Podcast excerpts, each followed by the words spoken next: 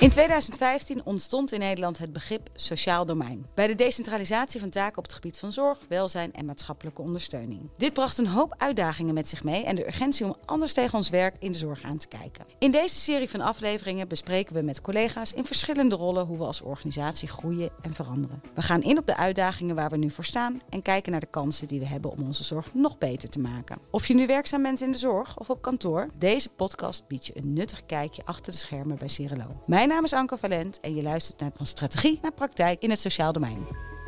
In deze aflevering duik ik graag met jullie in de diepe wereld van het ambulante werk. Hoe gaat zoiets? Hoe zit dat op het woonzorgpark? Wat denken onze collega's dat er nodig is? Wat gaat er goed? En wat staat ons eigenlijk te doen? We vragen Brechtje Fleur, regiodirecteur Midden-Nederland, wat nodig is om cliënten ambulant te begeleiden. Nou, ik denk dat uh, wat we nu doen is dat we vaak denken vanuit een totaalpakket. Dus dat we de zorgen helemaal overnemen. Uh, en dan bedoel ik niet zozeer alleen CRLO, maar gewoon kijkend vanuit een zorgaanbieder.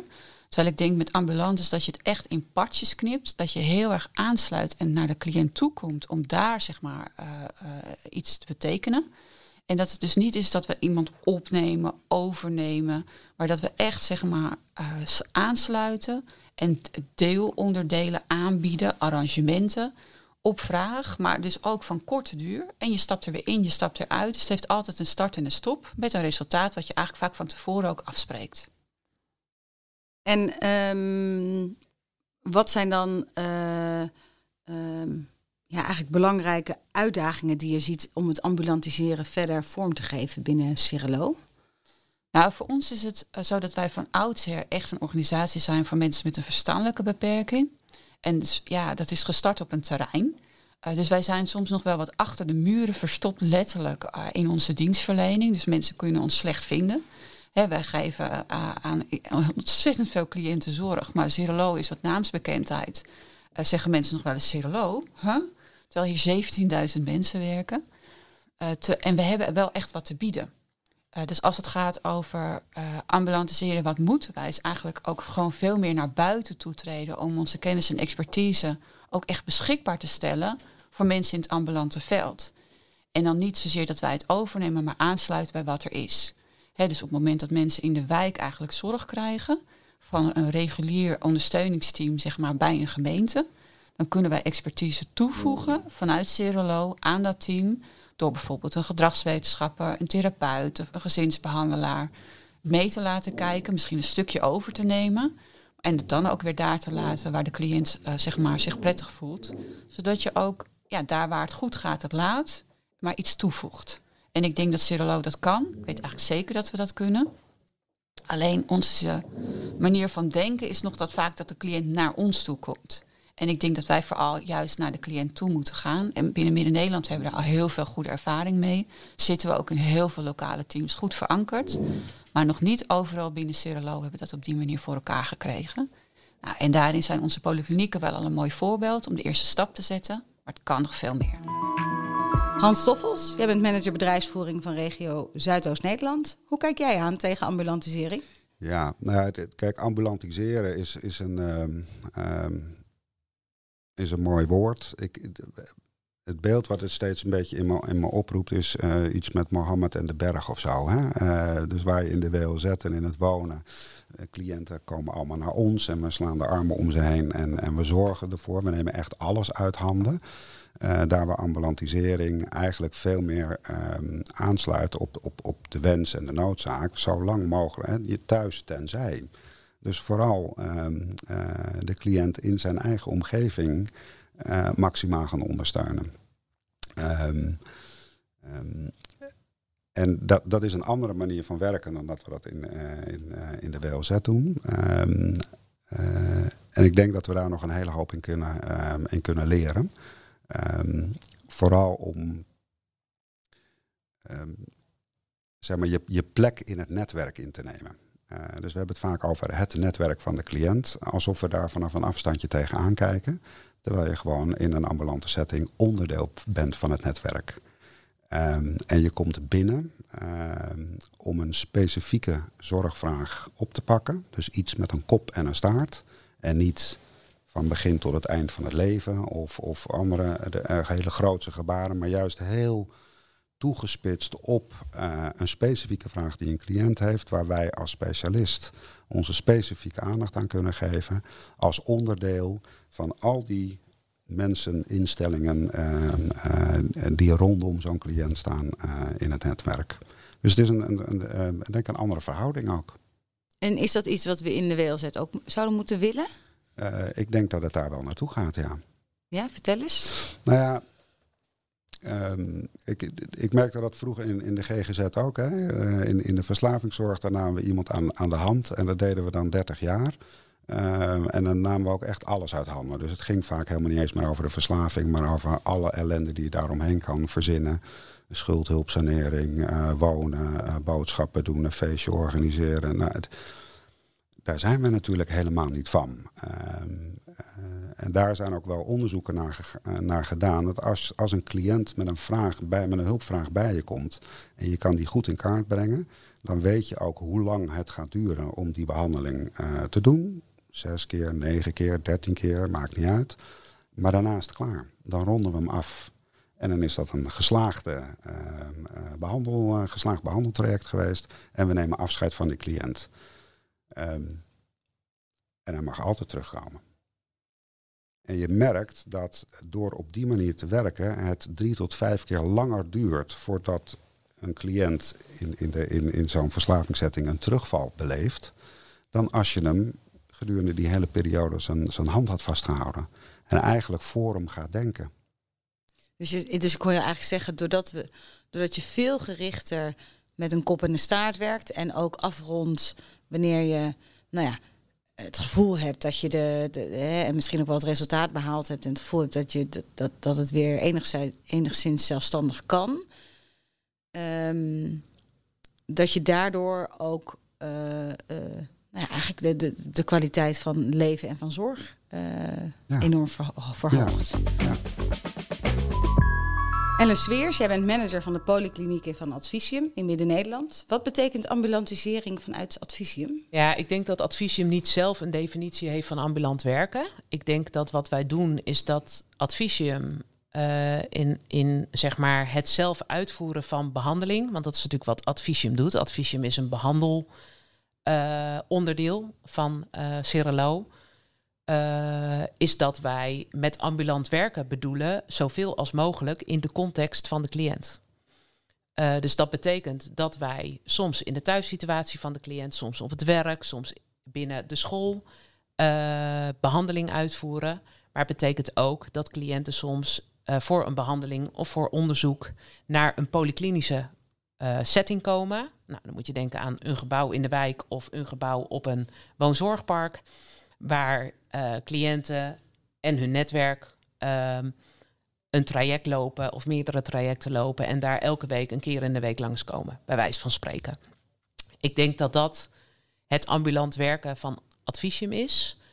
Um, dus dat staat soms ook wel gelijk aan polyklinisch werken. Wat ik steeds meer zie gebeuren, in ieder geval binnen regio Midden-Nederland, is dat je een soort van samensmelting ziet tussen de behandeling die Advisium levert en de diagnostiek en de behandeling en de specialistische ambulante begeleiding die er vanuit de regio geboden wordt. Dus we krijgen eigenlijk met elkaar maken we een specialistisch ambulant uh, dienstverleningspakket, waarbij we zeggen feitelijk maakt het niet uit of dit nou advisium dienstverlening is of uh, of regionale dienstverlening.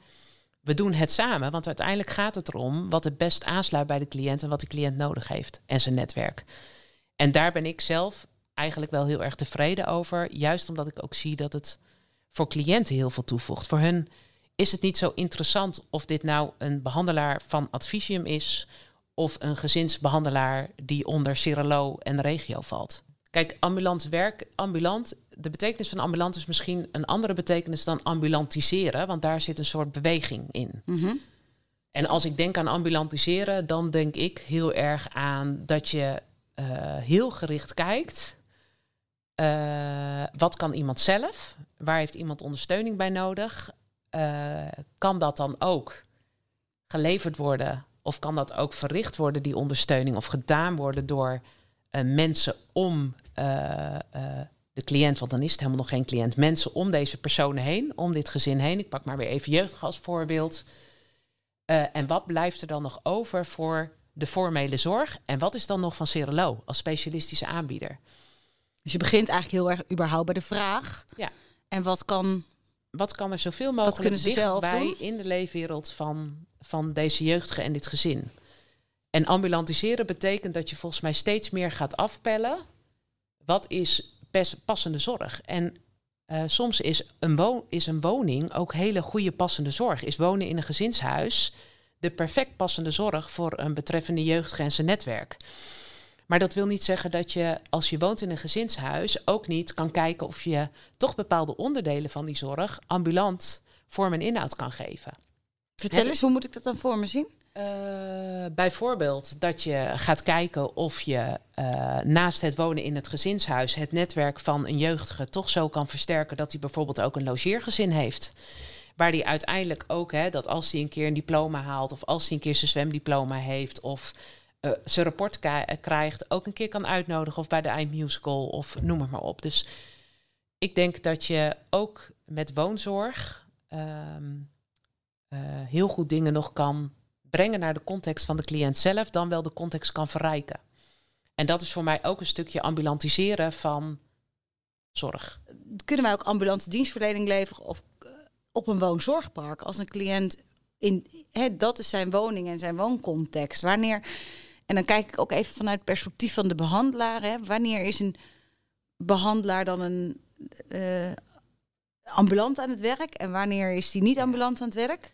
Ik denk, ik denk dat dat weer onze hunker is naar dat wij heel graag dingen willen scheiden van elkaar. Hè? Dus dat we zeggen we hebben intramurale zorg en we hebben ambulante zorg of residentiële zorg.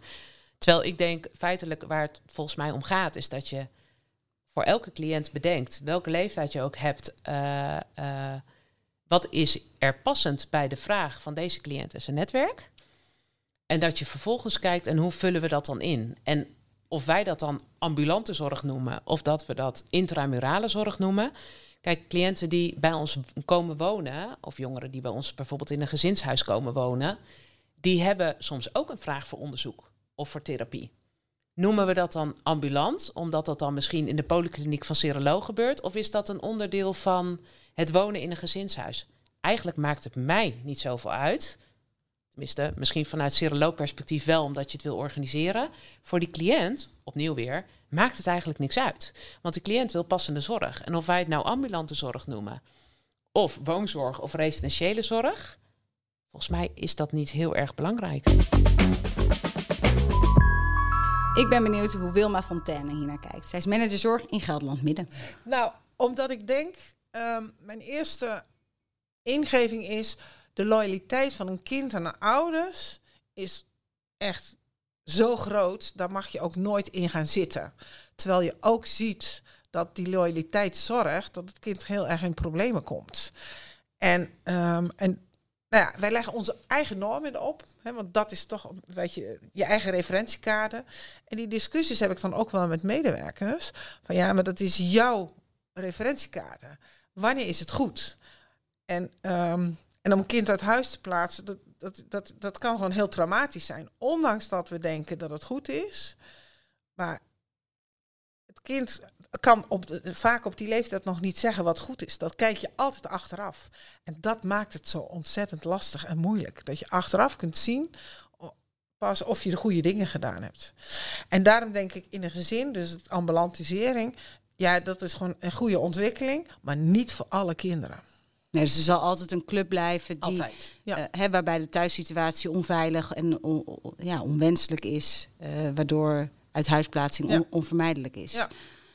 Maar we kunnen er heel veel aan doen, hoor ik jou ook wel zeggen, om dat zoveel mogelijk te voorkomen. Ja, ja, dat klopt. En zoveel mogelijk het kind thuis te houden ook. Vroeger was het natuurlijk al sneller van, oh, u heeft een kind met een verstandelijke beperking, eh, daar kan u niet voor zorgen. Ja. Nee, dat klopt. Maar nee, maar dat is wel mooi. Ik heb, wel een mooi voorbeeld. Dan eh, komt eh, de vraag vanuit de gemeente een kind. En dan van oké, eerst gewoon eens even thuisondersteuning. Even ouders ontlasten. Nou, dan gaan ze naar het logeren elke 14 dagen. En dan is er altijd naschoolse opvang en een vakantieopvang. En dan kom je erachter dat een kind de zaterdagopvang gebruiken ze dan ook nog. Hè. Dus het ene weekend is de zaterdagopvang. Ander weekend is logeren. En weer een weekend zaterdagopvang. Dus eigenlijk kom je een beetje bij elkaar dat een kind één keer in de 14 dagen op zondag thuis is. Oh ja. En dan denk ik, oh, en thuis nog slaapt. Hè, bedoel, Ja. dus, ehm, en dan denk ik wel van, het kind moet aan zoveel verschillende mensen steeds wennen, steeds weer andere medewerkers. Want de naschoolse opvang is iemand anders dan vanuit school. Logeren is weer iemand anders. Vakantieopvang is weer iemand anders. De zaterdagopvang. Dus dan wordt er zo ontzettend veel gestut en gesteund in het gezin. Dat het vraag is van, doen we dan nog wel het juiste? En dan hij slaapt nog thuis. En ja, dat dan bespreekbaar maken. Eh, zoals er een voogd eh, in beeld is of eh, bij de gemeente. Ja, dat, dat, dat vind ik altijd wel belangrijk. Waarin de ouders natuurlijk altijd meegenomen moeten worden. Ageet Ouwehand, vanuit de Raad van Bestuur gezien, hoe kijk jij aan tegen het thema ambulantiseren? Ja, een hartstikke ingewikkeld woord. Wie weet moet er naar een ander woord toe. Maar het betekent eigenlijk dat ehm, het, het, nou ja, het all-inclusive pakket wat de wet langdurige zorg biedt, dat maar de vraag is of dat nodig is in alle gevallen. En dat we niet veel meer naar mengvormen moeten van eh, ondersteuning die geboden wordt. Even los van de bekostiging. Want ambulantisering wordt nu heel erg gekoppeld aan ehm, vooral het sociaal domein en de WMO en de jeugdwet. Maar we weten dat binnen de wet langdurige zorg ook mogelijkheden zijn voor volledig pakket thuis en modulair pakket thuis. Maar wie weet hebben we wel meer varianten nog nodig. Omdat alles wat je in een harnas stopt, op dat moment is het al niet meer passend. Dus het kan zijn dat we toch nog meer creatiever moeten worden, ook als samenleving, maar ook vanuit de overheid, om te kijken of we die zorg niet nog meer kunnen differentiëren, waarbij de bekostiging eigenlijk niet leidend zou moeten zijn. En wat vind jij dat Cirelo nog meer zou kunnen doen om die, eh, nou ja, eigenlijk die beweging van ambulantisering te stimuleren? Nou, ik denk als we de, nu de, de, op de woonzorgparken is het eigenlijk vooral uh, het all-inclusive uh, verhaal. Wie weet kunnen we daar ook wel veel meer een variatie in zoeken. Dat mensen bijvoorbeeld wel de bescherming van een woning op het woonzorgpark uh, hebben, maar niet uh, de hele tijd uh, begeleid worden. Wie weet kunnen we naar vormen toe dat cliënten bij ons woningen huren. En dat het dus he, scheiden wonen en zorg wordt, wat ook heel erg kan helpen de eigen regie over je eigen leven te, te gaan voeren. Terwijl ik dat zeg, zie ik allerlei leeuwen en beren op de weg in de uitvoering. Want kan een cliënt uh, wel de huur betalen? Wat uh, we weten nu dat cliënten eigenlijk te weinig aan inkomen hebben om de sociale woninghuur te kunnen betalen. Want daar moeten wij toch ook van uitgaan. Als dat vastgoed uh, van ons is, moeten we dat ook betaalbaar houden. Dat is al binnen de WLZ ingewikkeld, maar dat wordt ook nog eens ingewikkeld als we dat uh, gaan verhuren aan mensen die amper dat kunnen betalen. Dus er moet nog wel wat water onder de brug uh, gaan voordat we dat überhaupt kunnen realiseren. Maar ik denk dat we de focus moeten hebben op het feit dat alles wat we vanzelfsprekend altijd hebben geacht dat dat WLZ langdurige zorg op woonzorgparken is, all-inclusive. Om dat onder de loep te leggen, is dit echt voor elke cliënt nodig? En een heel groot deel van de cliënten zal het nodig blijken. Maar een aantal cliënten, bijvoorbeeld 11B-cliënten, uh, die op sommige woonzorgparken nu al aan de rand wonen, zodat ze de connectie met de samenleving kunnen houden, maar toch die bescherming van het woonzorgpark hebben. Uh, daar zou ik heel graag energie in steken om te kijken, wat is er nog meer mogelijk aan variatie? Wendy van Keulen, ambulant teamcoördinator Dronten. Wat is volgens jou van belang om goed ambulant te werken? Maar je bent echt uh, wel een kleine ondernemer, zo noemen wij het binnen het team ook vaak. Je, je bent met zoveel aspecten bezig binnen de hulpverlening. Je moet en um, nou ja, de resultaatgebieden, maar ook de beschikkingen, uh, de... de is, is de beschikking, klopt dat bij de vraag? Zijn de resultaatgebieden helder? Um, kunnen wij daaraan voldoen of moeten wij uh, dat bijstellen? Um, dat moet eigenlijk allemaal binnen zes weken uh, als wij deze vraag binnenkrijgen. Dus dat is best wel, um, ja, een druk ligt daarop, zeg maar, binnen het ambulante ook. En daarnaast, ja, je bent met de gemeente in onderhandeling, maar je, je wil ook naast de cliënt staan. Je wil vragen wat zijn uh, doelen zijn waar die zelf aan wil werken. Dus ja, dus, dus een heel pakket.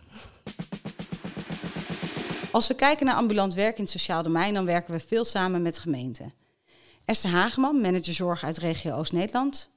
Hoe kijk jij hier naar? Nou, dat vraagt heel veel van medewerkers, want elke keer moeten ze zich bewust zijn voor welke gemeente werk ik. Werk ik voor de WMO, werk ik voor de jeugd, werk ik voor de WLZ. En bij alle drie de financieringsvormen zijn weer andere regels en iedere gemeente gaat met die regels weer anders om. Dus soms denk je van een inkooporganisatie, nou dat zijn algemene regels die gelden voor alle gemeentes die eronder vallen. Helaas niet.